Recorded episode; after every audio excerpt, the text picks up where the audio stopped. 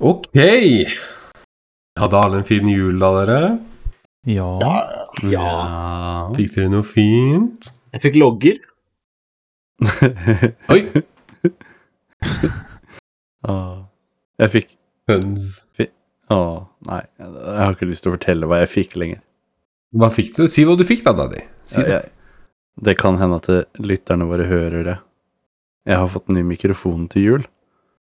Oh, Jeg, det har du. jeg ga meg selv en ny mikrofon til jul, for jeg skamma meg så grusomt over eh, lyden på forrige, forrige podkast. Men eh, det er vesentlig bedre i hvert fall enn ny mikrofonen helt rå. Det ble faktisk eh, jeg, Vi sa at eh, det var vel egentlig bare Alex som blanda på at han hadde en war story, men eh, jeg har faktisk en war story fra jobben. Um, det ble diskutert her om dagen. Eh, jeg var innom kontoret en liten tur, og så kom eh, Skal du ta War Story nå før eh, Nei, nei, nei, nei. dette klikker, er altså, det- veldig OCD-en relevant. inn. Det er veldig relevant. Ok, Ok, Okay, okay. skjønner. Bare, bare kjør på, det er greit. Det går fint. Eh, Så kommer vår kjære CTO, som jeg vet at hører hyppig på denne podkasten, i tillegg til en av våre nyansatte. Som også er en uh, lytter. Begge to har hørt samtlige podcaster. Um, og begge to kommer, og ofte så føler folk, da Han skal ikke henge ut noen her, men dere to vet hvem dere er. Kommer liksom folk bort og sånne her lydproblemer og sånn, er ofte mitt problem. Det er noe jeg må ta tak i.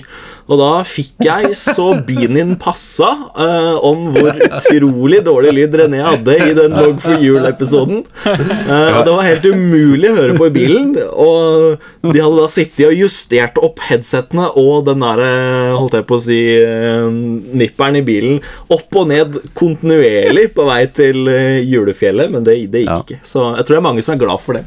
Ja, det er veldig fint. Jeg, nå skal det sies at jeg var tvunget til å sitte på en sånn headset-mikrofon. Det, eller så var det eh, mikrofonen til webkamera. Det var en av de to som kicka inn.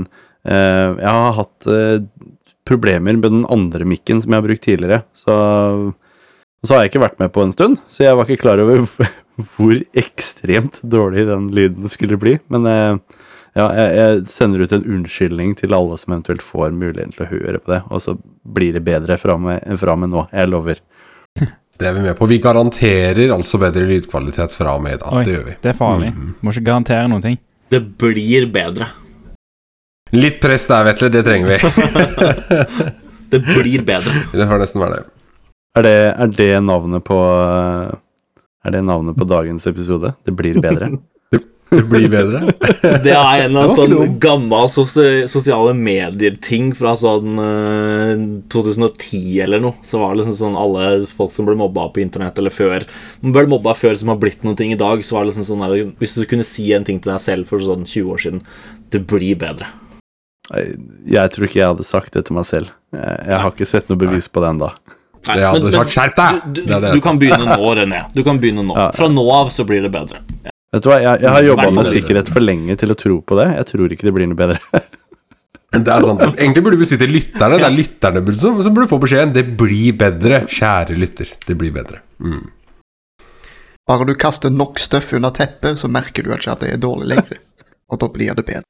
Følelser, det undertrykker vi. Vi må ikke vise følelser. Grav det ned langt inni deg. Fortrykk det. Snakk aldri om det. Veldig sunt. Sunt, sunt, Ja. sunt. Hva følelser? Så vi, så vi har blitt en sånn, vi har blitt en sånn wellness-podcast istedenfor en Ja, ja, Ja, Det er bra. Det riktig. blir vel En- Gwyneth Paltrow. En? Ja, skje- Oh, Åh. Wow, wow, Mary wow, tenk, at vi, tenk at vi kunne hatt en episode som het Mary Shelmes. Mm. Og, så, og, så, og så neste år, neste år Ja. julaften neste år, Ja. da er det Mary Shelmes. Ja. Ja. Jeg skal slutte å få bedre Nei, jeg skal slutte å få bedre barn, holdt jeg på å si. Jeg skal slutte å få flere barn. Kan Da vet du, nei, vet du hva. Eirik, ta få litt dårligere barn, da. Ja, ja, Få litt nei. dårligere barn, herregud. Hei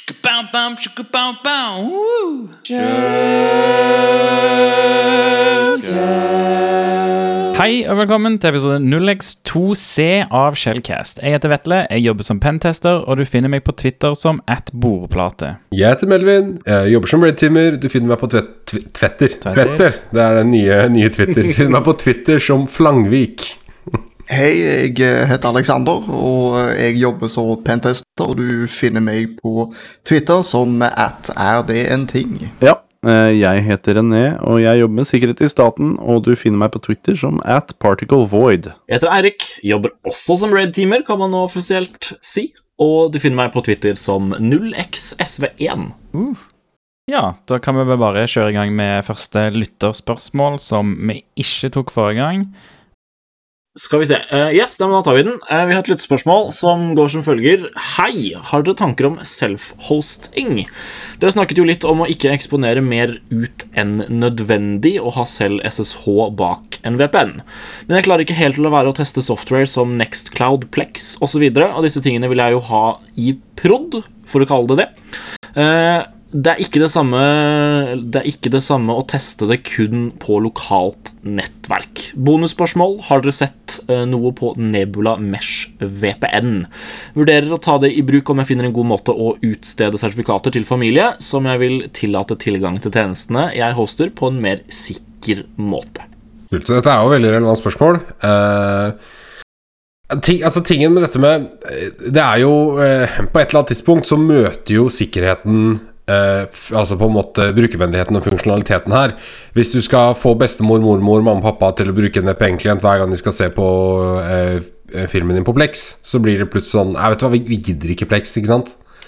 Eh, så, så det er jo en sånn mellomting, da. Eh, men, eh, men sånn i Sånn i, sånn i, når, vi selv, når vi snakker om å ha ting bak VPN, så er det mer sånn ting i jobbøyne for et firma som er, blir, som er mye mer under angrep da, enn si den private Plex-serveren din eh, på nettet, så er det bedre å ha så mye du kan bak en VPN-løsning. Det er lettere å si til ansatte som tjener penger på å jobbe, at du må gå inn i VPN-en din for å nå denne tjenesten, enn det er å si til eh, kompisen din som bare prøver å se på film på Plex. da men, eh, men altså for all del, hvis, hvis, hvis mulig, go for it. Liksom. Det er den tryggeste måten å gjøre det på, sånn i, sånn i realiteten. Jeg tror, jeg tror dette Jeg nevnte en gang at, at jeg har alt av SSH og sånt bak VPN selv liksom hjemme, fordi at eh, eh, Og at eh, du ikke skal eksponere Altså, og her eh, Han sier det jo sjøl òg, snakker litt om å ikke eksponere mer enn det som er nødvendig. sant?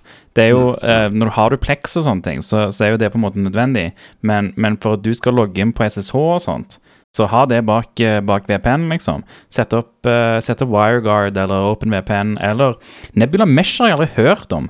Det, det er nytt for meg. Ehm, men, eh, men, men så jeg vil si liksom hvis du har Ja, har du liksom typ Nextcloud og Plex og sånne ting som, som er meint til å være eksterne tjenester, så er det ikke noe stress å åpne de brannmuren for det. Jeg personlig ville nok ikke åpna min egen brannmur direkte til hjemmenettverket, uh, men heller liksom hatt, uh, hatt en reverse proxy et eller annet sted. Bare, bare fordi det er ryddigere på et, uh, på et vis. Og så går det jo an å, å ta mellomting, da. Ikke eksponere Plex til hele verden, men bare Norge. Bare eh, eksponere Plex til de norske, eh, øh, altså dedikerte IP-subnettene. Istedenfor å hele verden, og da har du en fin mellomting, da, ikke sant. Men, eh, men det er som Vetle sier, at det er, eh, personlig, altså jeg, jeg har ikke noe problem med å logge meg på NPN hvis jeg skal inn på et eller annet som er hjemme hos meg, så, så da kan det gjøre det. Ja. Eh, angående Nebula eh, Jeg sitter jo og titter litt på det angående Red Team-infrastruktur. Um, var Bitebleeder som posta en uh, Han har en sånn bloggserie som går på 'Taking the pain out of uh, infrastructure', eller hva han kaller den. Uh, eller uh, 'Taking the pain out of C2 infrastructure part 2' fra Bitebleeder. Um, der kjører han en liten sånn pukk på å bruke Nebula Mesh um, til til C2-infrastruktur med med Cobalt Strike og sånn, og ikke at jeg dyp, dykka så veldig mye dypere enn den pukken han, han har der, men det virker jo ganske kult. Eh, Da kan du sette opp masse forskjellig Altså, Nebula bruker samme protokoll slash tjenesten som WireGuard gjør, så du kan på en måte meshe sammen masse forskjellige noder, eh, og også kombine det med eh, diverse Kubernetes osv. for å liksom ha da denne VPN-en på masse forskjellige noder eh, rundt omkring. eh, og ha en veldig sømløs eh, VPN-løsning istedenfor å connecte fire-fem forskjellige VPS-er på liksom det samme um, OpenVPN-nettet, f.eks. Så har du bare at de er provisioned med, med Nebula. Så det samme burde jo definitivt gå der eh, også. Det er jo kanskje heller det det er ment for, enn å, enn å hoste Cobalt Strike og proxy-server og sånt. Men, eh, men ja.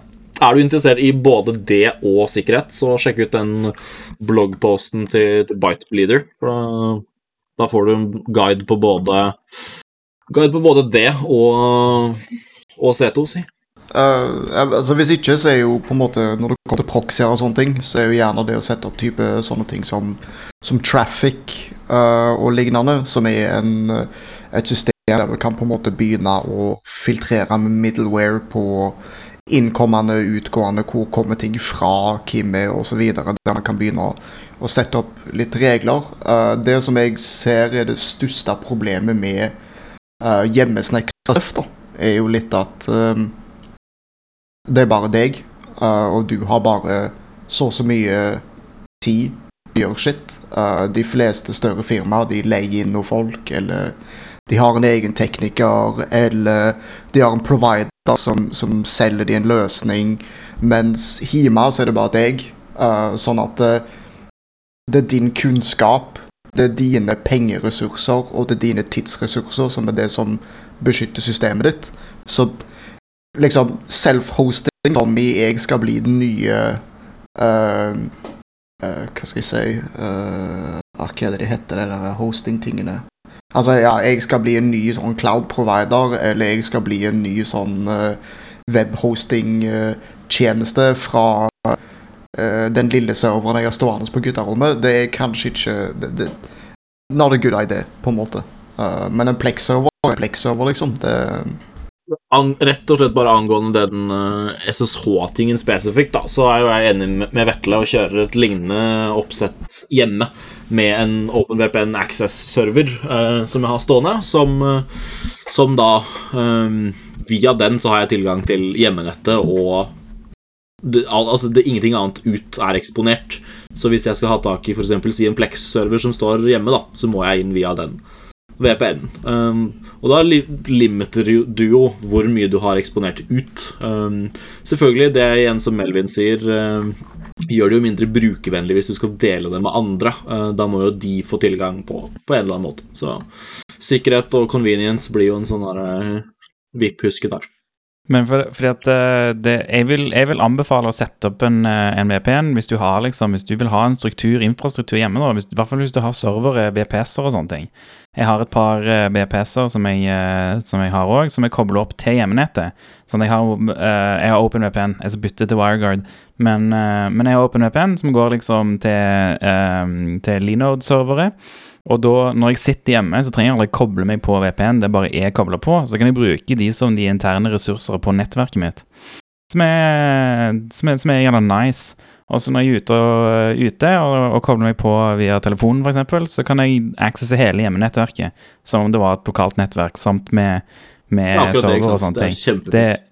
ja, det er dritdigg. Så det, det er liksom Det å ha den sikkerheten til, til, å, ha, til kunne ha SSH bak VPN, Uh, og, og convenience med å kunne bruke det overalt, og, og som om det er samme nettverk uansett. Site to site VPN. Det er jo kjempefint med både OpenVPN og, og WireGuard at du har muligheten til å bridge det, sånn at du har tilgang til det nettverket som Access-serveren står på. Eh, og da har du tilgang til alt som Ja, hvis du har en sånn boks stående hjemme, så, som Vetle sier, så du er på et hotell på reise eller Uganda, så har du fortsatt tilgang til hjemmenettet ditt om du VPN-er inn. Mm. Så, så vil jeg anbefale Jeg vil ikke anbefale egentlig å gå på for OpenVPN. Da må du i hvert fall eh, drive og kødde med sertifikater og sånt noe. Jeg tror han har passordautentisering òg, men det er ikke anbefalt. Veldig mye self-hosting der, holdt jeg på å si. Der må du ta Mm. fullt ansvar for driften av den selv, da, som Alex er inne på. Ja. Og hvis sertifikatet expirer, så eh, må du renewe alle Altså hvis du må lage et CA, da må du ren- renewe alle sertifikatene. Det har jeg gått på. Det suger.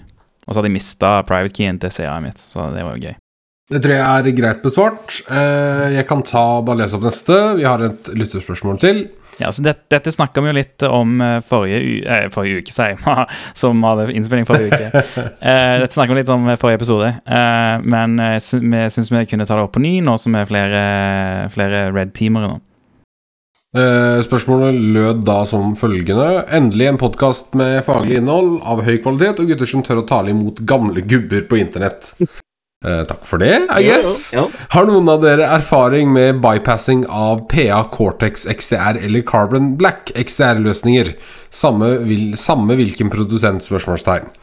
Hvor viktig er det for dere som skal angripe et datanettverk? Eh, er det å ha en form for nettverksskisser som viser hvordan ting henger sammen, og hvordan trafikkflyten finner sted? Eh, takk. Hilsen Securebits. Eh, jeg kan bare kicke det off med å si sånn Det nederste spørsmålet er ganske rett fram. Når vi angriper nettverk, så, har vi, så går vi inn eh, Altså det man kan kalle blackbox-metodologien typisk. Da, at vi ikke vet noen ting om innsidenettverket overhodet før vi blir plassert på det. Og så må vi bruke, litt ut fra hva slags operasjon det er, om det er Red Team, så bruker man ofte da eh, ressurser man finner på maskinen man har kompromittert, eller gjennom brukerkontoen som eh, brukeren har kompromittert har. Eh, tilgang på ting på nettverket. Wiki, Jira, Confluence, alle disse interne tingene som dokumenterer interne ressurser.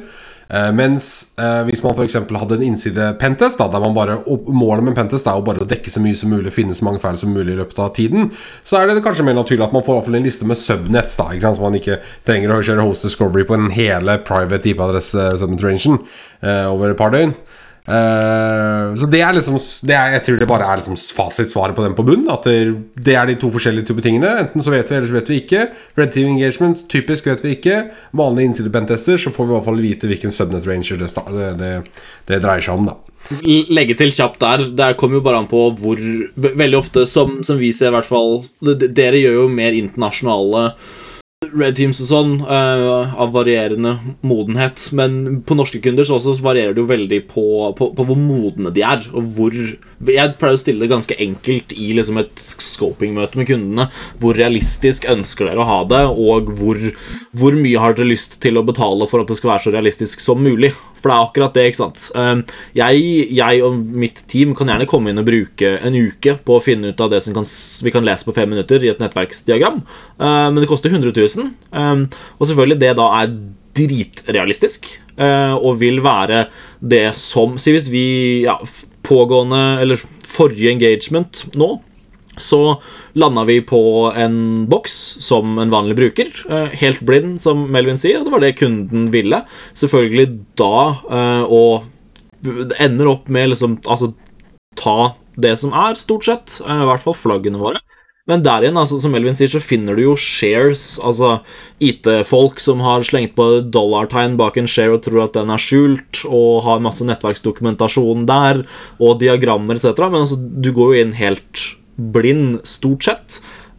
Varierende ut ifra hvor mye liksom, kunden har lyst til å spare i tid, da, eh, for å ja, for å gjøre det enklere slash tidsbesparende, men i aller fleste tilfeller så er det akkurat som Melvin sier. Full on red team, så går vi inn helt blinde, og det er akkurat sånn som en angriper ville gjort. Uh, Pentest slash et scenariobasert eh, purple team, red team, så tar vi jo den hjelpen vi får, fordi det vil spare oss tid og kunden tid, så vi kan gå etter de mer viktige tingene, da, enn å drive og sakte, men sikkert bruke tre dager på å count én pinge 500 hoster på, på et nettverk, liksom. Så, ja. Det er som du sier, da. Det går på tid, og det går på penger. For det, det, det er det samme greiene. Blind red teaming tar jævlig mye tid. Det er akkurat det. Nå tror jeg at jeg, jeg hadde jo en sånn eh, påstand uh, sist runde, så det er veldig morsomt å høre deres take på, på akkurat det. Eh, min erfaring har jo vært det at eh, slike nettverksdiagrammer ofte er utdaterte eller eh, mangler eh, ekstremt mangelfulle, eller kanskje mangelfulle nok til at de kan være misvisende etc. Eh, når dere eh, i de settingene hvor dere faktisk får disse diagrammene servert, i, i hvor stor grad opplever dere at det, eh, disse faktisk eh, er realistiske i forhold til det dere ser én til én når dere er ute? Er det ofte, eller vil dere si det at det er litt eh, eh, ja, At det følger den påstanden som jeg kom med sist, da, at det kanskje ikke holder så mye verdi som, eh, som bedriften som betaler dere, nødvendigvis tror at den har? Jeg har i hvert fall oppdaga det at eh, de gangene jeg har fått et slash et eller annet nettverk, eh, så finner man ofte ting som, som var meninga at aldri skulle være der. Eller, og og den, den har vi slått av for lenge siden. Uh, og så er det noe exploits der, og så er det noe shit, og så kommer du inn, og så Var ikke den slått av for lenge siden. Som er eh, det med, altså det med jeg, veldig, jeg tror jeg aldri har opplevd å få et nettverksdiagram sånn rent. Jeg har fått en liste over subnets. Her har vi datamaskiner. Eh, og det er nok Jeg tror det er bedre enn å få diagrammer liste over hver enkelt host, for da er det lett å tenke at det er dette som eksisterer. Og som Alex sier, altså Kan ikke, anta at kunden vet hva de har kjørende internt, liksom. Eh, når du kommer til en viss størrelse, så er det bare haywire alt sammen. Og Det er derfor det er litt morsomt når man kjører liksom, sånn som du sier da, sånn som Alex snakker om, at den PC-en skal være av, den fins ikke. Og så gjør du en engagement, og så finner du den PC-en som egentlig skulle vært slått av i to år siden, og ikke har vært patcha fordi det, alle trodde den var slått av. Så har du det, ja, ikke sant? Det er det. Jeg har fått nettverksdiagrammer eh, tidligere, og det varierer jo altså, Da har det jo vært scenariobasert testing hvor man Altså jeg har fått nettverksdiagrammer som ikke stemmer i det hele tatt, eh, men også diagrammer som er satt sammen til på en måte, den testen. Eh, det varierer jo veldig på kunden om det er noen som er gira eller, eller ikke, og forstår verdien i det. Men når du får sånne ting, da, eh, eller finner nettverksdiagrammer og Altså det klassiske Excel-arket du finner på alle IT-dollar-shares rundt omkring, hvor det er liksom bare masse hostnames og, og IP-adresser, så er det liksom å stille spørsmål ved det. Eh, I hvert fall hvis du har fått det utlevert før en test. Så er det sånn Dette er det- her vi mener du skal ha tilgang til, ikke ha tilgang til, etc. Men på en måte aldri stol på det. Still spørsmål ved det. Test det. Fordi plutselig så er det jo der og bare Nei, du på klientnettet skal ikke kunne nå 10-10-100 uh, slash 24, og så er det sånn Ja, her kan jo RDP rett inn her. Um, eller ja, pinge Altså alt, liksom. Så ja. Aldri stol på det, i hvert fall. Ja. Det, det for, for, min, eh, for min del så er det litt sånn førende spørsmål, tenker jeg. Sånn ledende spørsmål. Eh, jeg gjør jo en del eh, Jeg kan jo kalle per definisjon litt sånn threat hunter i, i den posisjonen som jeg sitter i. Og det er veldig ofte at vi opplever at våre kunder gir oss en oversikt, og så mer enn mer enn det jeg egentlig liker, eh, dukker det jo opp noder som de ikke er klar over at eksisterer, ikke er, er klar over at det er tilgjengelig fra internett, f.eks. Eh, funnet alt mulig fra eh, admin-noder som egentlig burde vært eh, godt låst bak ting. Eh, fritt tilgjengelig på internett gjennom kjente eh, kanaler. Eh, trenger ikke eh, jeg håper å si plugge altfor mye verktøy som jeg benytter i, i mitt arbeid, men men eh, ja, nei, så det er jo litt det hold, derfor min holdning er det. Og, det, og syns det er litt interessant å høre fra, fra dere som, eh, som jobber aktivt med angrepsbiten, og ikke bare på en måte jaktinga, eh, hva deres opplevelser er. da. Men OK, det, eh, det var dette vi snakka mest om sist, så eh, XDR-løsninger er vel det mest interessante eh, nå. Um, ja, kick da med Altså um, vi, kommer til å fortsette å snakke om det, men sånn som eh, Det misconception med DR-løsninger er at du installerer, og så er du protected. Og det, er, eh, og det, det er jo altså, for det første ikke helt riktig. Ja, det tar 90% Kommer det noen og vet hva de har opp against og klarer å mekke, eller lage de siste 10% så det, går det fint. Eh, det er viktig å tenke på dataen. Én ting er å en ting er å detonate en payload på en maskin med en DR-løsning og være der. Og være der over lenge tid. Det er én ting. En annen ting er å faktisk gjøre noe. Eh, Og faktisk begynne å utnytte tilgangen du har. Ja.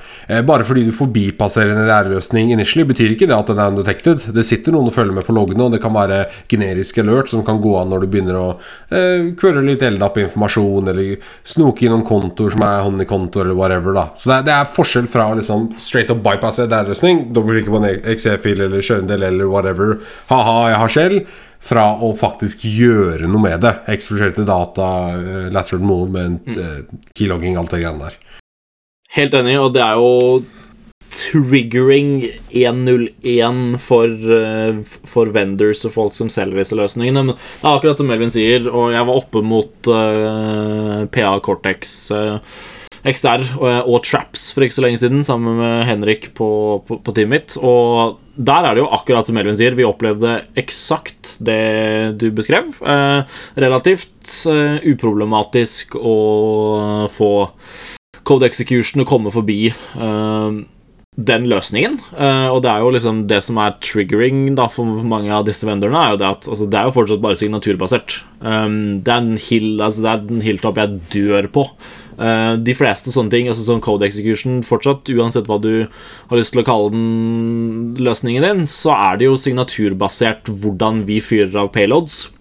Og hvis vi klarer da å bruke hva en eller annen Nimline syscall-ting som er trendy på, på Twitter for tiden, eller at sånn som vi har gjort, laget vår egen uh, custom-versjon av Deanvoke, uh, gjør våre egne API-calls, hele den resolvinga der, selvfølgelig klarer vi å bypasse. Eh, det er bare given.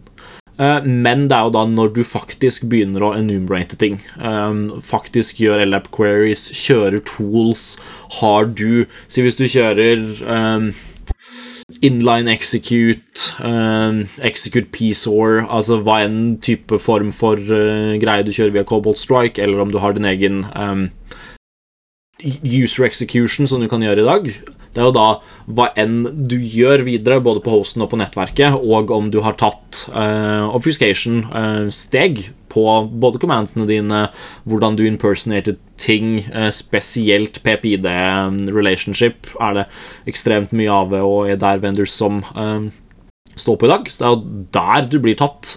Og det selvfølgelig eh, at hvis vi executer noen ting, og bypasser, altså quote unquote, bypasser en løsning, så betyr jo fortsatt ikke det at den ikke har trigga en eller annen telemetry, som er at ok, jeg har ikke noe signaturbasert detection på denne XC-en som kjørte her nå, og kult, den har Den ser ut som at den er signed og etc., etc., men den kjørte, og det matcher ikke liksom trusted um, executables på den hosten her. Går det en eller annen gul alert i hva en CM-løsning, og så er det noen som ser på den. Så da er spørsmålet hvor lang tid det tar før noen faktisk gjør noen ting med det. Um, det er jo en ting jeg gjentar og gjentar og gjentar. Det er sånn fett at du fikk den røde eller gule alerten din, men det tok fortsatt en uke å responde til den. Eller, som vi dessverre ser ganske ofte, er jo at Enten så blir den delegert til en junior og dør på førstelinje som expected, ja, expected behavior, liksom. Eh, vi hadde um, code execution fra, en, eh, fra print color-mappa for ikke så lenge siden, som ble liksom whitelista av en SOC-analyst for expected behavior.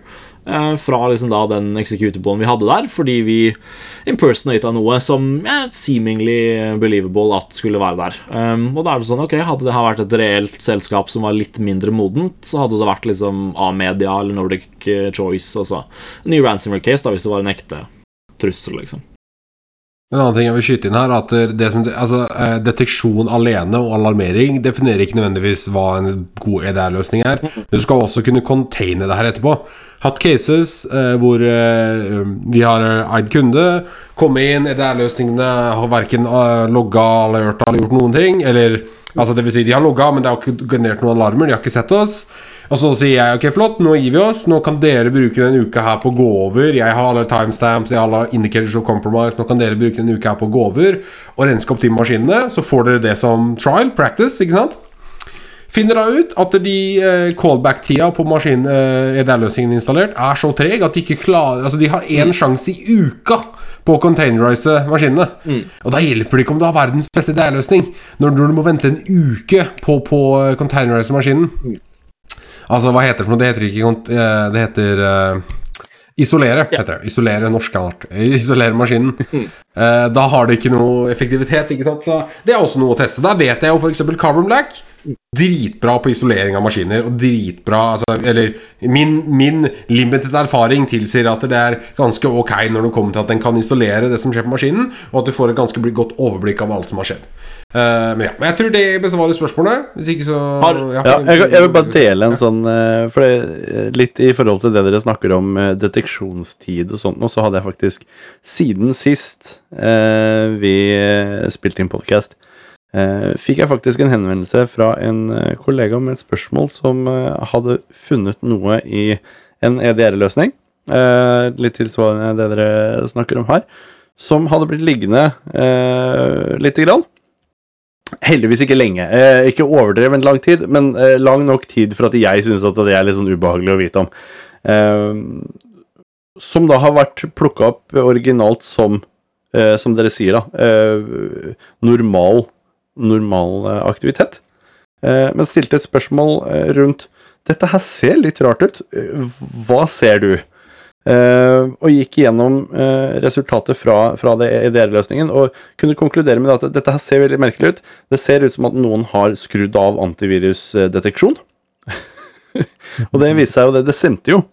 Uh, heldigvis i, i det scenarioet her så var ikke det en ondsinnet eh, hendelse. Det var eh, noen som rett og slett eh, i uvitenhet valgt å skru av virusdeteksjon eh, for å få en spesiell tjeneste til å kunne eh, komme gjennom systemene eh, i en testsetting. Eh, det jeg vil jeg tør å påstå det at det aldri er en god løsning. Eh, det er bedre å finne andre alternativer til å få det der til å fungere. Men han har da trigga en sånn eh, typisk eh, EDR-flagg.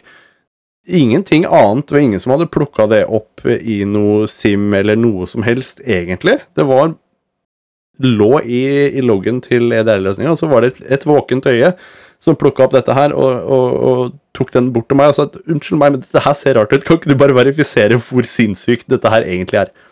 Så, og det, det er sånne ting som plutselig kan bli liggende lenge. Og jeg er helt sikker på det at hvis han hadde vært litt eh, mindre våken der, så hadde han forkasta hele greia, ikke giddet å komme bort til meg og bare tenkt at eh, sånn her ser det ut hele tiden. Ja, to kjappe ting å legge til angående Cortex. Um, faktisk en liten anekdote der fra, fra en pentest nå, eller Purple Team, uh, nå nylig, uh, hvor vi var oppe mot uh, Cortex. En litt sånn interessant ting som vi bet oss merke til der, var at Cortex hjalp oss helt ekstremt mye med å enumerate Hosen, Fordi når du åpner Cortex X, det er Endpoint Protection GUI, nede i høyre hjørne der, så har du Open Log File og Generate Support File. Hvis du kjører de to der eh, så altså den servicen kjører som system, um, stort sett, hvis de ikke har gjort et eller annet magisk. Uh, Melvin sitter og rister på huet fordi han vet hva som kommer. Uh, den servicen kjører som system, og hvis du genererer en support-fil som den servicen, så får du selvfølgelig da en full dump av uh, det aller meste deilige som system. Eh, Dette var en maskin hvor vi overhodet ikke hadde lokal admin eller noe som helst, men via da den support file generation-greia så får du full nettstat, du får full PS, du får lista um, directories og paths vi ikke hadde tilgang til, uh, alle installerte apper, hvem alt kjører som på en shared host, så får du se hva alle andre kjører, etc., etc. I tillegg til at um, sånn som akkurat den hosten var konfa, da, dette er jo det viktige med å konfe disse løsningene også, er det at vi kunne se um, alt telemetryen vi trigga. Vi kunne lese i loggene og se på Hvis vi testa en payload, um, så kunne vi se hva som gikk til traps, um, som er da den ja, log collector correlation-greia til, um, til Palo Alto. Vi kunne se hvilke regler som ble trigga, etc., etc., i tillegg til da um, den enumeration-biten. Uh, kunden var mildt sagt lite imponert av, av det, når maskinen var såpass godt låst ned ellers. Eh, I tillegg, uh, angående Cortex, så er det en keys som heter 0xSP. Uh, ingenting med meg å gjøre, men den 0x-en. Men han hadde en presentasjon på Crestcon Asia for ikke så lenge siden, uh, med en Cortex eh, bypass. Relativt trivial med litt endring i memory og, og sånn. Og han har releasa et tool som heter Mortar. Det ligger på GitHub under 0xSP-SRD. Eh, det er brukeren, og så heter det Mortar. Vi kan få det inn i shownotes. Eh, der har du eh, en relativt enkel proof of concept på, på f.eks. en eh, Cortex bypass. Da. Jeg tror vi skal avslutte. Jeg bare ønsker å si en, en morsom ting. Jeg så en artikkel om et ransomware-gruppe som forbipasserte EDR bare med å sette noen reg keys for å boote maskinen inn i safe mode, og så bare reboota de, Også. Så Ja. så, ja, det, det, ja. Vi, vi vi avslutter med den og beveger oss videre til de faktiske nyhetene her nå. Eh, jeg kan ta første her, eh, og det er jo da Jeg, jeg var på handlet på butikken. Jeg tror jeg sendte snap til dere. Handla på butikken for et par dager siden. Og da sto det en liten der, lite, lite papirlapp der det sto Vi har dessverre litt mangel på kjøtt og kylling grunnet eh, cyber- eller dataangrep for, mot Nortura. Eh, så Nortura har jo da blitt eid, eh, og det er jo litt krise, egentlig. Eh, og de Eh, Jeg har prøvd altså det sto, Vi har ikke fått noen tekniske detaljer, eller noen ting Så det står bare litt sånn mellom linjene. Men det er annet snakk om at de ikke lenger har tilgang til internett. Det er åpenbart at det er noe ransomware involvert. Eh, det står ikke noen nevning om noen backups. Er det noen som har noe, noe saftig input her? Jeg skulle ønske jeg hadde det. Jeg har eh, prøvd å grave ganske dypt i Intel eh, eh, bagen min. Jeg har jo, pleier jo å ha en relativt grei oversikt i forhold til ransomware-grupper og sånt, og når de claimer eh, claimer eh, forskjellige selskaper og sånt. Og jeg har ikke klart å finne noen ting på Nortura. Eh, det eneste som jeg har sett etter å ha kikka på den eh, saken her, er det at det fins en del eh, sånne halvfakta rundt omkring, og folk som drar konklusjoner rundt at de mistenker at det ikke har noen ting med Log4j å gjøre i dette tilfellet her. Men, eh, og det er rett og slett pga. hvordan de har ordlagt seg eh, rundt saken i forskjellige medier, også på sine nettsider, hvor de eh, presiserer det at de jobber med å fjerne skadevare fra maskinene og gjøre analyser ved hjelp av, av Kripos. Um, og utover det så har jeg nå litt sånn småfebrilsk mens vi har sittet og prata, prøvd å se om jeg kunne klare å finne noen nyheter på, som kunne gi noe eh, bedre beskrivelse. Men det er faktisk ingenting. Så det, det virker som at de er holder kortene tett til brystet inntil, eh, inntil videre. Mm. Det er spennende å følge Jeg ser bare, jeg ser bare også her at eh, produksjon av kjøtt, egg og pålegg går som normalt. Så slapp ikke slapp av dere, pålegget kommer. Men at det er snakk om da at det er mottak av dyr. Altså de har stoppet inntransport av dyr. Så det systemet da som slakter, da, altså regner jeg med, eh, Ja. altså eller tar imot Jeg ser, jeg ser også det, det står det i en av uh, artiklene. Nå klarer ikke jeg å finne den rett foran meg nå. uh, så hvor det er beskrevet at det ikke skal være rammet uh, verken kunder eller ansatte. Så det, For meg så høres det ut som at det er en eller annen sånn IOT-løsning en eller annen plass som har vært litt ubeskytta, og så har den blitt uh, rett og slett plukka rett ned. Eh, eventuelt ja, ikke og de har ikke mottatt krav om løsepenger, selv om det står i bunnen av Eshik-artikkelen. Så det kan jo være at eh, hvis vi spekulerer, da, dere, så antar vi at det er initial access via IOT-enhet, sikkert med log4j, fordi Java. Eh, men så klarte de kanskje ikke å komme langt nok inn i Active Directory da til å, til å ha noe reelt å kryptere. For å kryptere IOT-enheter er liksom ikke Ja, da flasher vi firmware, da, så er vi back der vi var, liksom. Ikke sant? Konspirasjonsteoretikeren i meg har lyst til at det er fordi Nortura og Nortura, Jeg vet at det sitter i hvert fall én vegetarianer slash veganer her. Uh, Nortura er jo rel... Jeg har ferdes litt i, i disse kretser selv også. Um, og kjenner jo flere som ikke hadde eh, Eller som sikkert koser seg nå, med tanke på at eh, Nortura sin kjøttproduksjon og slakt, eh, sånn sett Altså dyremottaket spesielt, er nede. Og konspirasjonsteoretikeren i meg, når, når spesifikt dyremottaket er nede, og du titter litt på andre nyheter rundt Nortura, så er jo det en godt kjent fabrikk slash mottakssted for slakt her i Oslo. Og um, det er liksom en del sånn toppløse demonstranter og folk som har låst seg fast til spesifikt dyremottaksporten eh, tidligere, og gjort mye sånn demonstrasjoner rundt det. Um, og det er jo uh, sett flere steder eh, tidligere at uh, aktivister, da, eller hacktivister, har prøvd seg på disse tingene for å stenge slakterier. Så om noen faktisk har klart det her nå i Norge, så er det ikke kult. Ikke. Altså ikke, ikke liksom hack ting og gjøre ulovlige saker, men eh, det hadde vært interessant, for å ordlegge meg på den måten, om det var noen som hadde fått til det nå. Så hvis du som sitter og hører på, tilhører noe Tilhører Bellona eller Greenpeace eller en av disse aktivistene og, og faktisk har hatt noen ting med dette å gjøre, send oss en e-post. Eh, Gi oss en forklaring. Involver oss ja, i dette. involver oss i dette. Vi vil vite mer. Vi vil gjerne vite mest mulig. Du Eh, får ikke tenk Shellcast. på- Ja, ja, Ikke tenk på at jeg jobber i staten eller noe sånt. Det har jeg, vi trenger ikke snakke om det. Eh, Men jeg er veldig interessert i å høre all informasjonen dere har uh, om denne saken. Men jeg likte den, jeg likte den approachen, Erik. Det var en god, det var en god konspirasjonsteori. Det var det Den- første den jeg tenkte på, fordi, eh, fordi jeg har hatt noen bekjentskaper tidligere som har vært veldig engasjert i de folka her. Så tenkte jeg liksom det shit hadde vært jævlig kult, faktisk. Eh, ikke kult for ikke kriminalitet, vi oppfordrer ikke til det. Men, eh, men det hadde vært eh, interessant. Om det var Du har ikke mista noen duckies eller noe sånt etter å ha hatt bekjentskaper på besøk, du, Erik? Ja, du som eh, har eh, om, vært i de kretser, var det ikke det? Var det ikke der du Ja, det var det.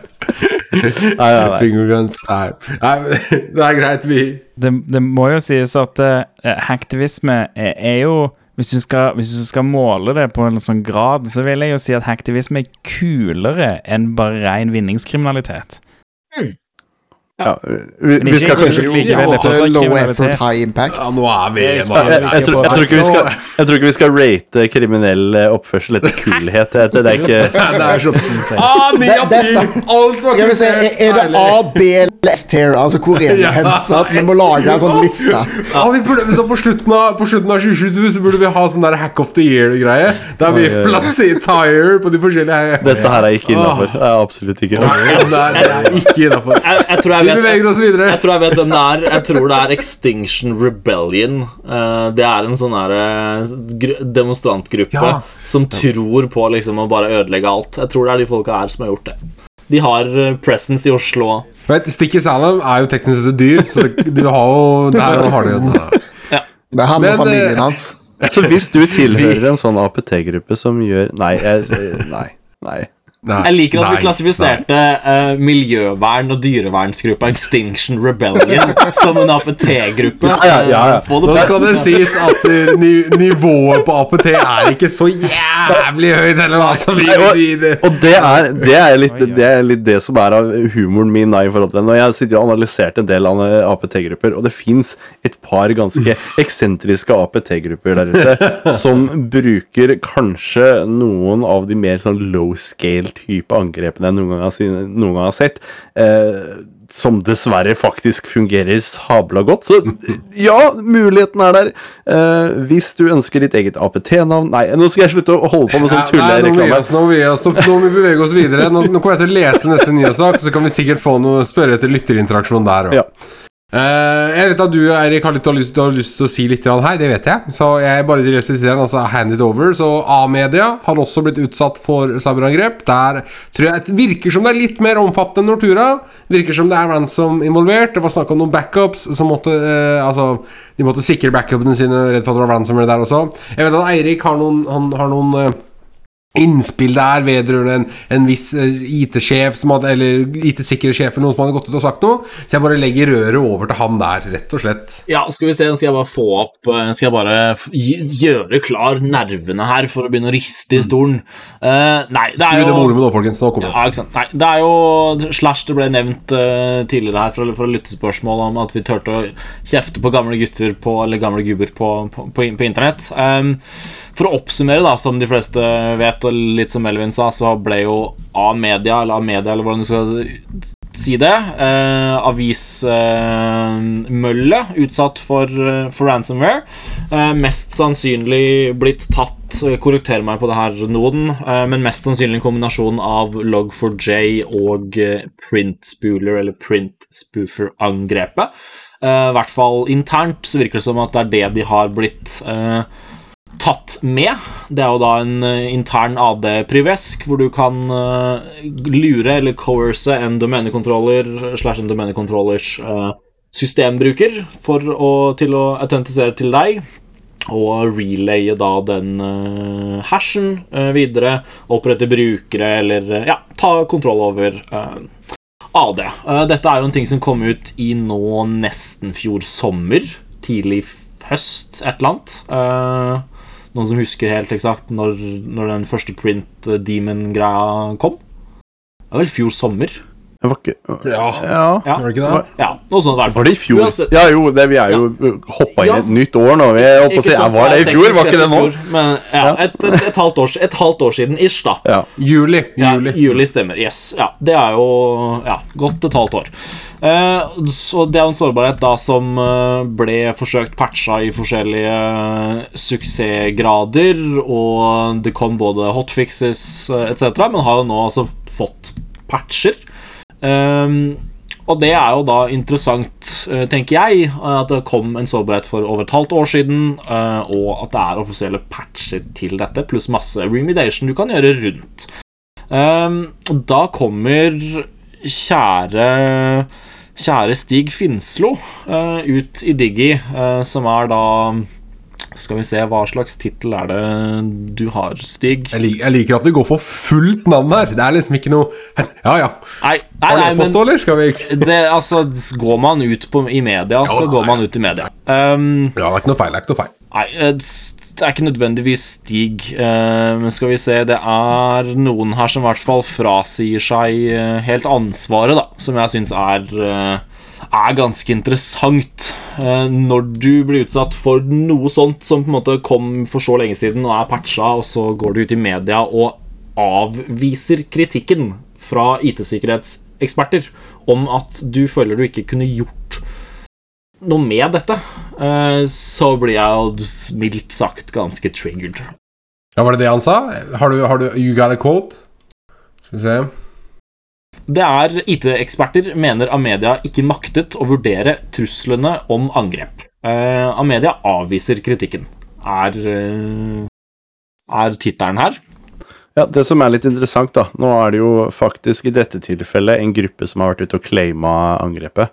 Uh, og det er et, en gruppe som kaller seg for Vice Society.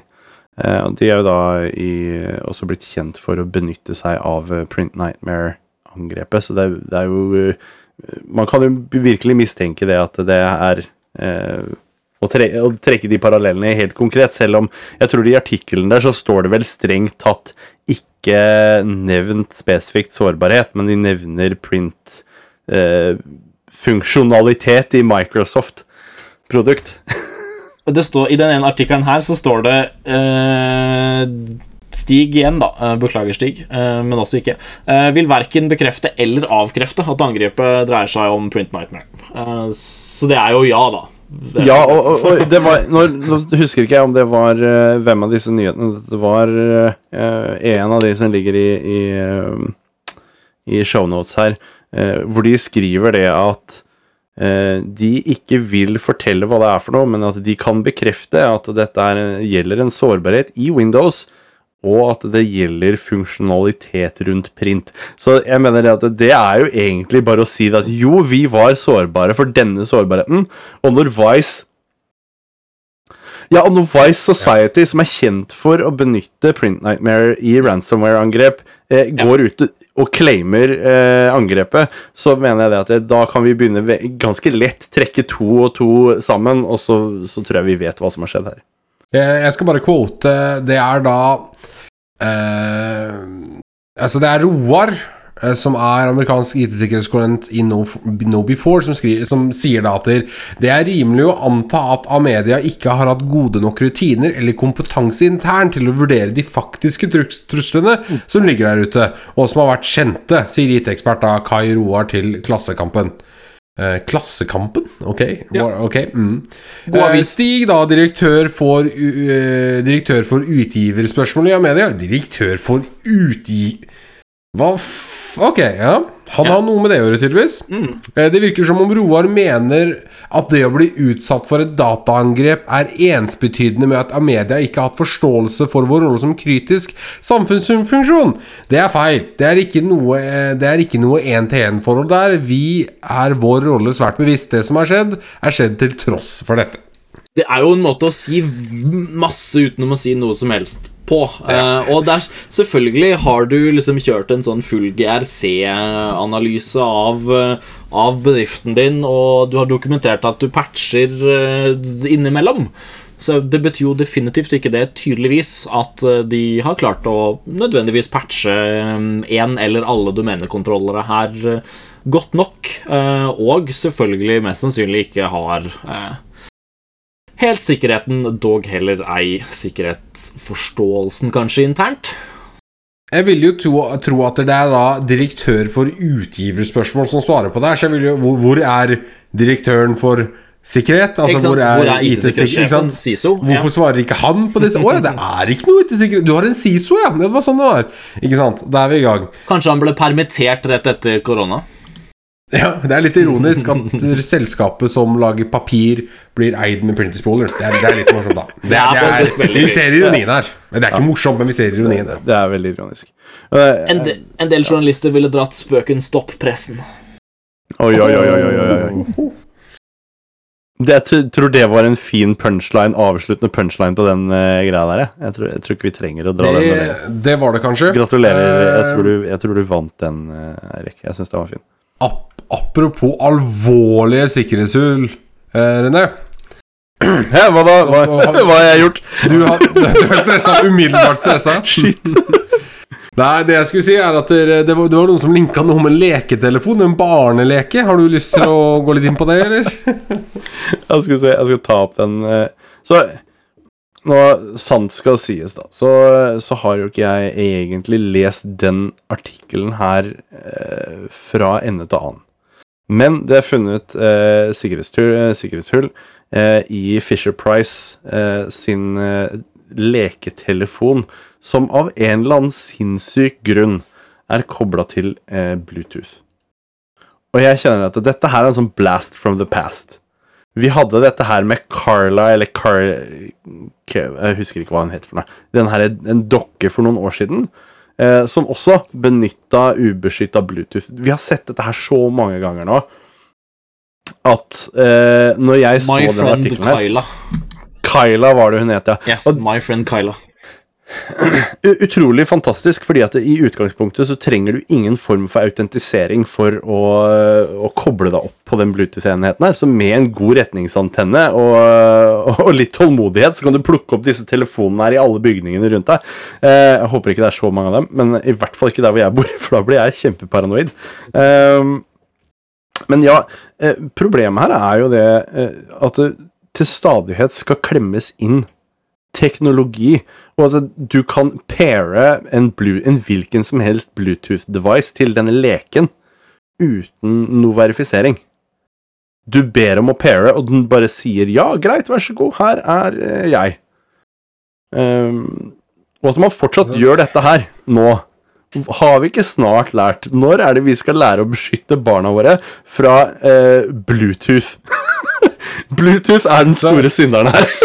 Det, er jo, det er jo litt ironi i spillet her, da. Så, så, så ja, det er et sikkerhetshull her, men det er sånn Det er omtrent like sannsynlig som at en ped... Altså, hva er sannsynlighet her, da? Eh, Hva er sannsynligheten for at en halvpedo mann eh, parkerer på utsida av huset ditt for å paire til leketelefonen til dattera di for, for å så ringe og prate med henne? Det er liksom hvis, hvis eh, eller, eller, Det finnes bare én måte Ja, å finne ut av det på. Du setter Ja, opp det- noe, får det til å se ut som den leken, og så bare skrur du på Bluetooth, og så sitter du bare og venter på hva det er som skal prøve å mate Jeg er jo enig i at den, den Bluetooth-leka her kunne sikkert hatt et firmware som var fra liksom etter 2010, for det er jo sikkert det som er greia her. Men, men, men, men det er liksom Ja, dette er et sikkerhetshull, men det er omtrent like alvorlig som liksom at mormora di fortsatt har vett på den gamle ruteren hennes.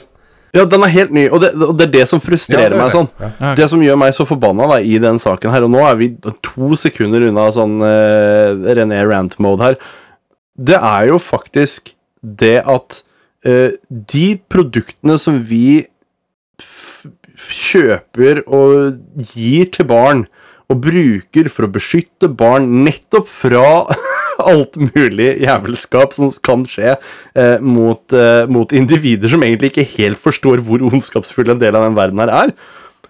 Ja, vi, vi beskytter de ved hjelp av eh, teknologi som er totalt ubeskytta, og som lar hvem som helst med bare en halv millimeter med teknologi know-how bare meie ned alt og bare gjøre hva de vil.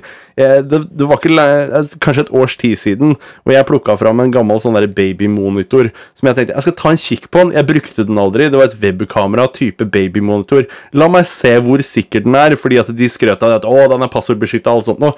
Ja, den hadde et telnett uten passord rett inn til rot, som jeg kunne legge inn nye pakker og ta over hele hjemmenettverket. Gjennom den forbanna Linux-noden som lå inne i eh, kameraet. Og det er sånne ting som gjør meg sint. da. Jeg blir skikkelig heitrende forbanna, fordi vi gjør dette her med leker også. Hele tiden! Altså, Jeg er jo helt enig i at det, det er jo helt elendig. Det som er greia her, eh, og som jeg, jeg ville si på den casen her, er at jeg har jo jobba litt med, med IOT-devices og jobba litt med operasjonelle eh, teknologier og sånne ting, og dette er et problem vi ser overalt. Det er nesten en bransjestandard. At problematikken er at eh, det, det utviklerne tenker, er det at eh, OK, her er greiene. Vi skal ikke ha en IT-teknisk person som skal touche dette. Dette er det en idiot som skal bruke. Og tingen er at hvis en idiot skal bruke det, så må vi putte idiotteknologi i det. Um, det som er, er greia, er at det, som da skjer, er at man skaffer seg Bluetooth-enheter, eller man skaffer seg uh, Og istedenfor å sette opp skikkelig autentisering, så bare sånn Du skal one click, one click på headsetet ditt, og så ding, så skal det funke. Uh, og så er det ingen som, som spør om noe ting, og så er du, er du kobla til. Og det er litt Problemet her at det er på en måte Dette er allment akseptert allerede. Ja, og Det er vel det som gjør meg mest frustrert. Det at dette her var en billig, dårlig og lite gjennomtenkt uh, funksjon i, i en leke, uh, er på en måte bare toppen av isfjellet for det fakta at man tillater, når man kontinuerlig snakker om å sikre alle mulige andre systemer, eh, mer og mer. Jeg sier ikke det at vi, verden generelt er flink til å sikre noe som helst. Vi er en særdeles sårbar og idiotisk rase.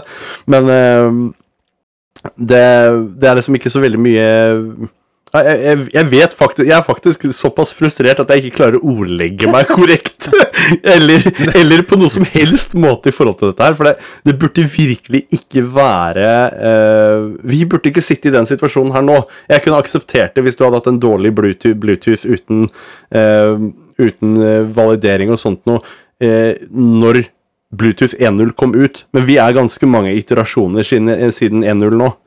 Så det fins egentlig ikke lenger noen unnskyldning, og heller ikke i IOT-devicer eller eh, smarthjem og den type, type ting. Det, det burde i hovedsak ikke forekomme lenger, men vi lar det skje, rett og slett fordi at man ikke gidder å bruke penger på det. Og det er sånn som gjør meg heiterandes forbanna. Men jeg, jeg tenker det er lov å bli forbanna over sånn, og det er helt elendig at vi skal uh, Altså at den fremtidige generasjonen skal vokse opp med, med den type ting. Men jeg tror vi er litt sånn eh, Jeg tror vi bare må la det ligge. Jeg tror jeg er litt sånn småpressa på tid. Jeg, jeg, jeg får gå en runde rundt huset og kjøle Ja. meg ned. Og, og, Tell til ti, og Ja, det er godt og kaldt ute nå, så det blir nok fort kjølt ned. Så det, ja. jeg, jeg tenker Jeg drar igjennom neste nyhetsstory her, som egentlig er liksom et altså, tool release og, og uh, sikkerhetshull. Men uh, midt i dette log4j-helvetet som var rett før jul, så kom det også en annen eh, pre eh, Previous Escalation Vulnerability i eh, Active Directory, altså domenet i seg selv. Ikke bare previous, previous Escalation på en maskin, men i domenet. Og det er så dumt, du kommer nesten ikke til å tro det. Det er så dumt altså at Kerberos i teorien, da, sånn, sånn veldig grovt sett, ikke klarer å skille mellom eh, navnet på en datamaskinkonto med og uten eh, dollartegn etter. Så, så sikkerhetshullet er så greit som at jeg eh, kan jeg, altså, Kort fortalt, alle brukere i et Active Directory-miljø kan by default lage opptil ti datamaskinkontoer, fordi Sure, hvem trenger ikke å lage datamaskinkontoer når du er en bruker av det? Fordi i 1990 så var det kjekt, ikke sant? Ja, i 1990 så var det kjekt. Så tydeligvis er det fortsatt kjekt. Ja. Så, så det du gjør, er at du lager deg en ny eh, datamaskinkonto. Du fjerner SPN-ene fra den. Du endrer navnet på den datamaskinkontoen til akkurat det samme som domenekontrolleren, bare uten dollartegnet. Og så spør du da uh, Kerberos uh, om en TGT, altså uh, Ticket Granting Ticket, på vegne av den computerkontoen, som egentlig bare er en form for å si hei, jeg vil ha liksom Kall, det et passord, da. For å gjøre det enkelt, kall det mitt midlertidige passord som fungerer i 60 minutter, på denne computerkontoen. Og så endrer du den tilbake. Og når du da requester en TGS på vegne av den TGT-en, altså vil si når du da vil bruke passordet ditt, så tror Kerbroast at du har en TGT for domenekontrolleren, og signerer ST-en med krypteringsnøkkelen på domenekontrolleren, og så er du domaneadmin. Da kan du impurse hvem som helst i domenet på domenekontrolleren. Og det er sånn Det er sånn If name contains det er liksom, Vi er der! Vi er jo ikke der, men det er liksom det er det jeg tenker at vi er. name. Must be you. Ja, det, ja, ja, det er liksom eh, Ja, er, så det er helt mørkt. Og den, den gikk litt sånn Jeg vet ikke om den gikk under radaren, men for veldig mange som var midt oppe log4j-helvete, så gikk det litt under radaren. Men dette er en veldig, sikre, uh, veldig, veldig alvorlig sikkerhetshull. Basically, er jeg en bruker i domenet ditt, så kan jeg bli admin. Hvis du ikke har patcha domenekontrolleren din, så patch, patch, patch. Jeg tenker jo da at når Amedia har kommet seg etter denne ransomware-hendelsen, så er det jo greit at de patcher disse oi, kodene oi. også, da. Hva het den? Stig? Nei. Stig, Stig, hvis du hører på, pass på så patch for det her òg, da. Så, Så når de er ferdig med å installere da KB-ene for Printer Nightmare, så installer de her også. Det kan være smart. Vet du hva, Nå føler jeg vi er litt slemme, for hvis det sitter noen på defense-laget på A-media nå, som sikkert da er underfunded, underbetalt og ikke har eh, Altså ikke mest har eh, én person jeg syns veldig Ja, synd på. en, til, til deg, stakkars mann som driver med incident Eller kvinne, unnskyld. Eller hen som driver med incident response på A-media. Beklager, det er ikke din skyld, det er sjefen din sin skyld. Du fortjener mer lønn, du fortjener bedre ressurser, og du fortjener kompetanseheving årlig på budsjett! Men det Helt får du ikke. og Det er derfor vi sitter i denne situasjonen. Så jeg vil bare si det er Stig sin skyld, det er ikke din skyld. jeg, hadde, jeg, jeg hadde egentlig tenkt så, litt sånn innledningsvis at det, det var jo, Dette her var jo en av faktisk en, en serie med relativt alvorlige sikkerhetshull som Ja, ble det patcha i, i den eh, runden eh, med Patch Tuesday-oppdateringer. Eh, og så på, på grunn av humoren rundt alt dette her, og egentlig eh, idiotien rundt alt dette her, eh, så glemte jeg hva de andre sårbarhetene var.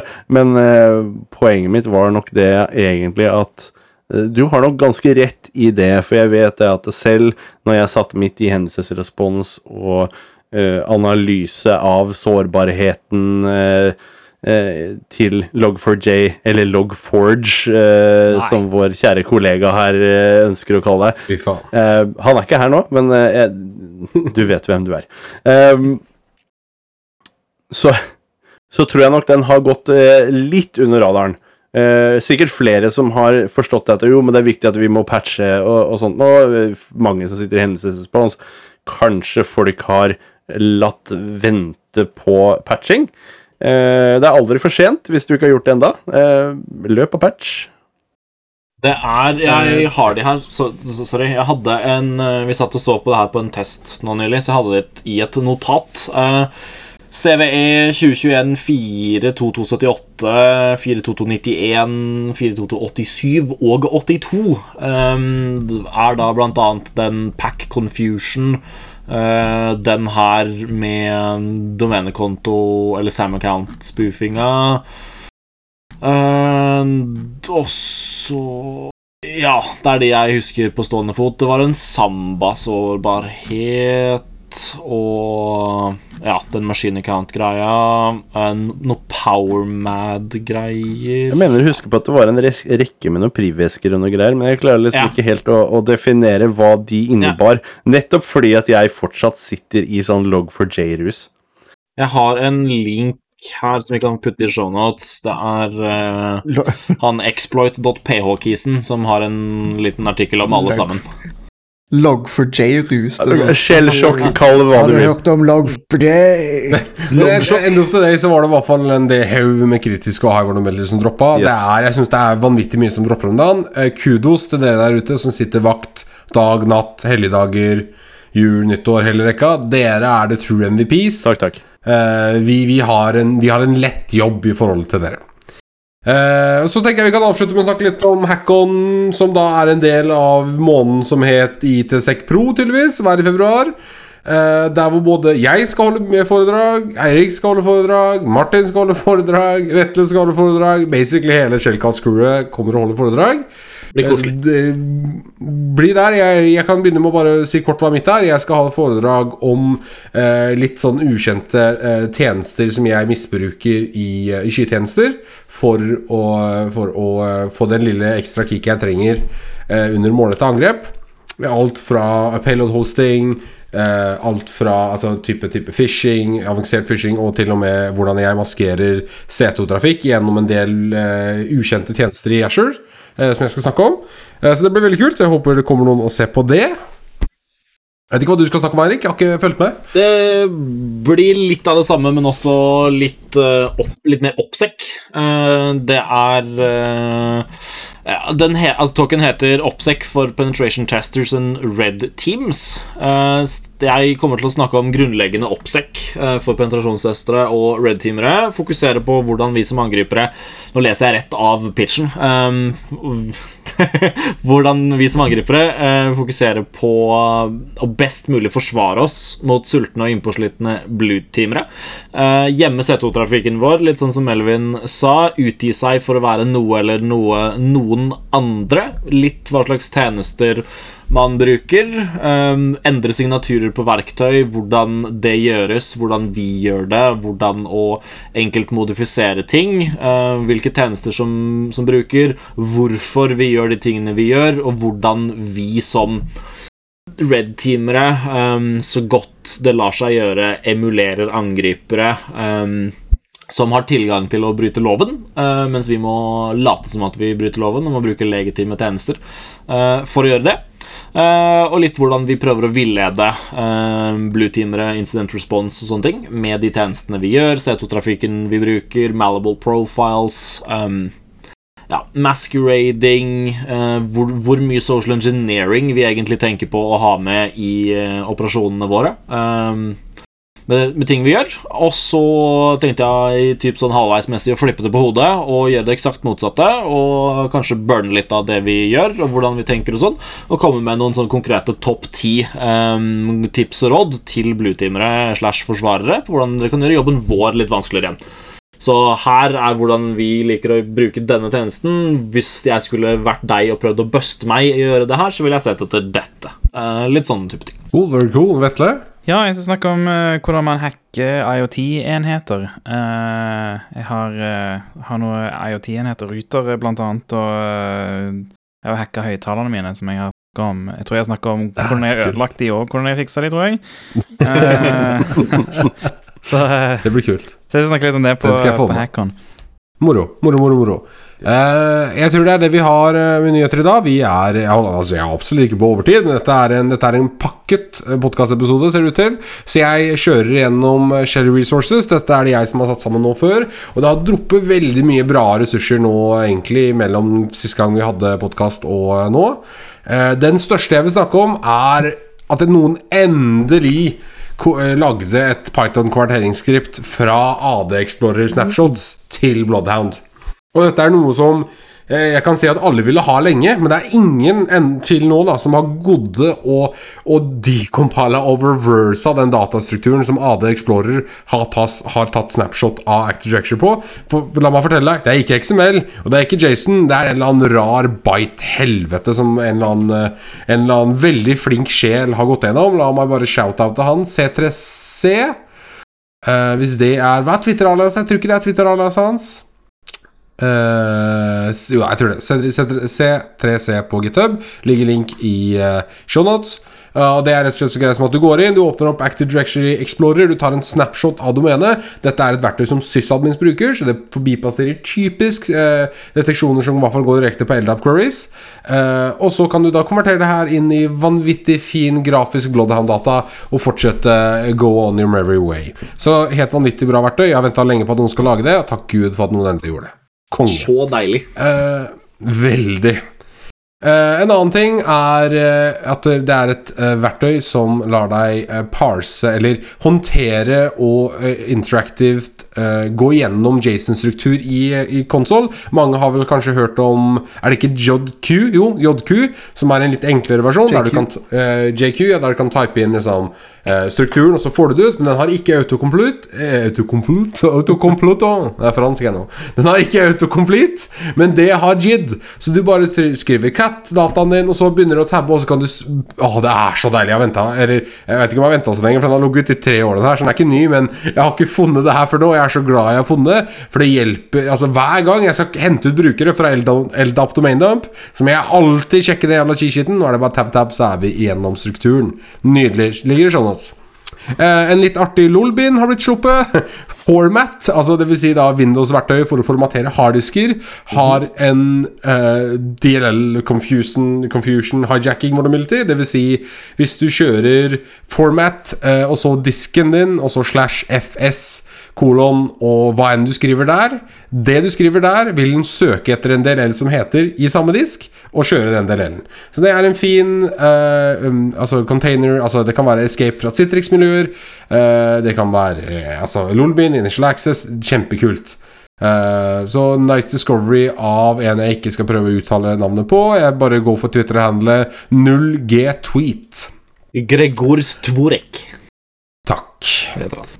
Uh, og så er det en litt sånn uh, fin ting hvis du jobber mye med uh, passwordspraying, kanskje også litt passwordstuffing, så er det da en ny ordliste, eller nye nye ordliste, en ordliste på Twitter som heter Relevant Wordlist, som blir aktiv maintaina, der en person skraper unike ord fra headlines for å døtte det inn i ordlister, som du da kan generere og prøve å lage litt unike passord. av. La oss si du har et uh, skal selskap som jobber, uh, et nyhetsselskap, eliteselskap, så kanskje du kan kategorisere litt, og så lage noen passord som kan treffe spesifikt. Da. Veldig nyttig. Kan være nyttig til mye annet også. Det er Kjell-ressursene. Uh, ja, du tar sikkert uh, Discord-kanalen, vet jeg. Tror de, tror de har venta lenge på å høre din stemme og shoutouten av Discord Nordsjø-kanalen nå, altså. Ja, det, så igjen vil jeg da minne på at vi har en kanal på Norsexen Discord. Norsexen Discord er en Discord fullt av uh, infosec-profesjonelle i Norge. Folk som Noen er studenter, de fleste jobber, jobber i bransjen. Så, så join der. Og, og vi, vi har fått en kanal der. Vi er så privilegerte. Vi er så, så, så kule at vi har fått en egen kanal der. Vi har fått tre kanaler, faktisk. Uh, Shellcast Eh, du bare, når du joiner, så bare ligger han der. Så du bare går, går inn på kanalen, sier du hei, hei, og så sier vi hei, hei tilbake igjen. Det er kjempegøy. Eh, hvis du har lyst til å sende inn uh, lytterspørsmål eller forslag til nyhetssaker, så kan du gå til informasjonskanalen i discorden og trykke på mikrofonikonet på den ene posten der. Så får du tilgang til å skrive i Shellcast Submissions-kanalen. Og, og med det så kan jeg avslutte episoden. Eh, ja, hvis du har noe bidrag, eh, noe War Stories, eh, hva som helst, eh, det kan sendes på e-post. Der er vi podcast.5h3ll.sh. Eh, ellers kan du atte oss og DM oss på, på Twitter. Der er vi 5h3llcast, altså Shellcast. Så takk for at du hørte oss skravle. Vi lyttes igjen neste uke. Bare fortsett å si det. Det står i manus. Jeg bare fortsetter å si neste uke. Ja, men så klart. Ja. Du kan ikke, si, du kan ikke begynne med noe nytt nå. Da hadde jo alle hadde blitt throw off courses. Det går Ja, det vet hva det betyr by now, så Jeg vil bare påpeke det at det navnet på han fyren eh, på Twitter eh, er Gregor. De settene er Det er polsk. eh, Nei, det er polsk Nei, nei, nei. Nei, det er Gregors. Jeg, jeg, jeg har jobba med, med en polsk Gregor før, og han var så drittlei at folk kaller han- kaller han for Gregors. Og Gre Gregors Folk hadde så problemer med å si det. Han bare Men for faen, det er Gregor. Den setten er stum. Gregors! Gregor Z. Etternavnet derimot tør jeg ikke å hive meg løs på, for det har jeg ingen peiling på. Han er jo en fyr som jeg har sett seg ned på Twitter. Hvor jobber han hen? Ja, jobber han et sted jeg vet hvor det er? For jeg synes han, han, han har vært veldig på Lolbyen-toget det siste halvåret, virker det som. Syns han poster nye Lolbyens annenhver måned, eller to ganger i måneden, om ikke mer. Han er på. Han? jeg føler dog ikke at det, det etternavnet må, kan være sånn. Det må jo være bare Tvorek. Altså T-W-O-R-E-K. Eh, eh, Microsoft MVP, Stemmer. står det her. Warszawa. Det er det man må gjøre. altså Lolbins for å bli MVP. Greit. Ja. Men jeg, jeg, jeg da- søker opp uh, Gregors Tvorek. Uh, skal vi se uh, Han eh, Malware Security Lead i- Engineer i Standard Chartered Bank. stemmer. Tidligere jobbet i CyberArk. Yes. Og de derre supershady folka, de derre Seaquire, eller hva de heter. Uh, Secure. Det er den eneste som får uh, Ja. Som får uh, uh, lyden fra Jurassic Park, den intromusikken, hver gang jeg hører CyberArk.